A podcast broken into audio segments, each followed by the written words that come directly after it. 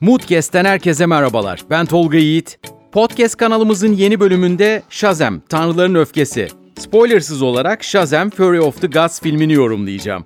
Hazırsanız başlıyoruz.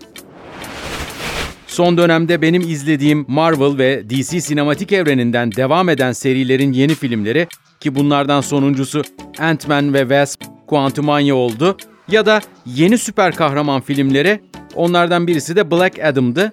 Beni biraz hayal kırıklığına uğrattılar diyebilirim. Özellikle devam filmlerinde ilk filmin ya da ilk filmlerin tadını çok alamadığımızı söyleyebilirim. Örneğin Ant-Man'in birinci ve ikinci filminde kendisine yardım eden arkadaşları vardı. Üçüncü filmle birlikte bambaşka bir evrene geçtik. Quantumania evrenine ve o sayede o sevimli komik arkadaşlarından, yardımcılarından mahrum kaldık.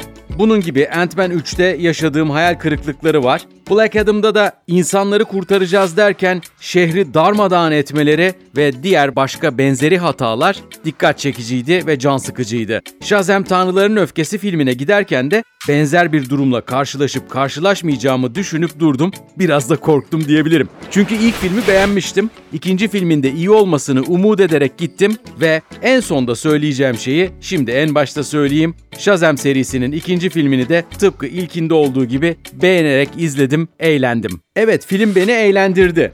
Filmin başından sonuna kadar farklı süper kahramanlara, farklı filmlere yapılan göndermeler çok yerinde ve komikti. Bunun dışında ilk filmin aksine hikayenin artık bu döneminde kahramanlarımız kahramanlarımız süper güçlerini keşfetmiyorlar. Çünkü onu birinci filmde yapmışlardı. Onun yerine şimdi ikinci filmde süper güçlerini kullanarak yaşadıkları şehri tehlikelerden koruyorlar. Ama aslında korumaya çalışıyorlar. Çünkü bunu bazen başarıyorlar, bazen de yarım başarıyorlar. Yani beceriksizce yaptıkları bazı kazalar, hatalar yüzünden çeşitli alaycı ifadelere maruz kalıyorlar. Shazam Tanrıların Öfkesi filminde yeni karakterler var. Onlar nasıl? Bir de ona bakalım.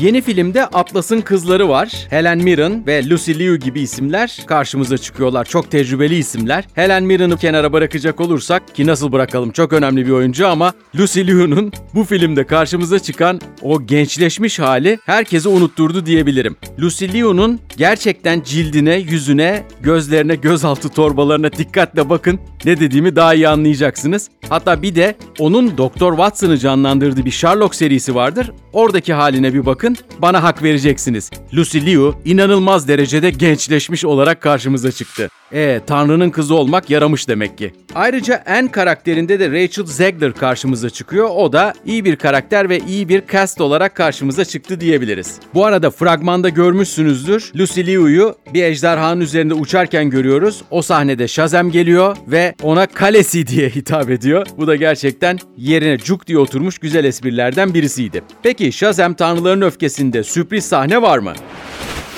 Evet, Shazam Tanrıların Öfkesi filminde iki tane after credits sahnesi var. Ve bu iki sahneden ilki bence çok çok önemli. Yani olayı başka bir yere bağlıyor. Yine komik bir sahne ama işin ciddi tarafında da olay başka bir yere bağlanıyor. Aman kaçırmayın derim. Ve bunun dışında Finalde ise yani bu after credits'lerden önce acayip bir süper kahraman sürpriziyle karşılaşıyoruz. DC evreninden güzel bir süper kahraman konuk olarak finalde karşımıza çıkıyor. Spoiler vermeyeyim, detaya giremeyeceğim. Shazam Tanrıların Öfkesi filmi için son söz nedir? Hemen ona bakalım.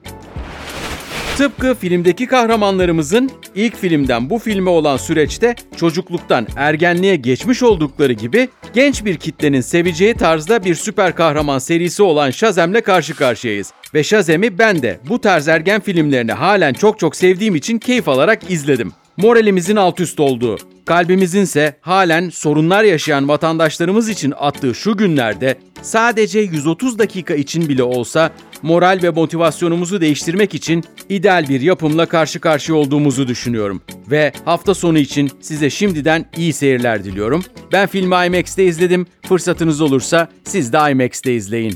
Görüşmek üzere, hoşçakalın.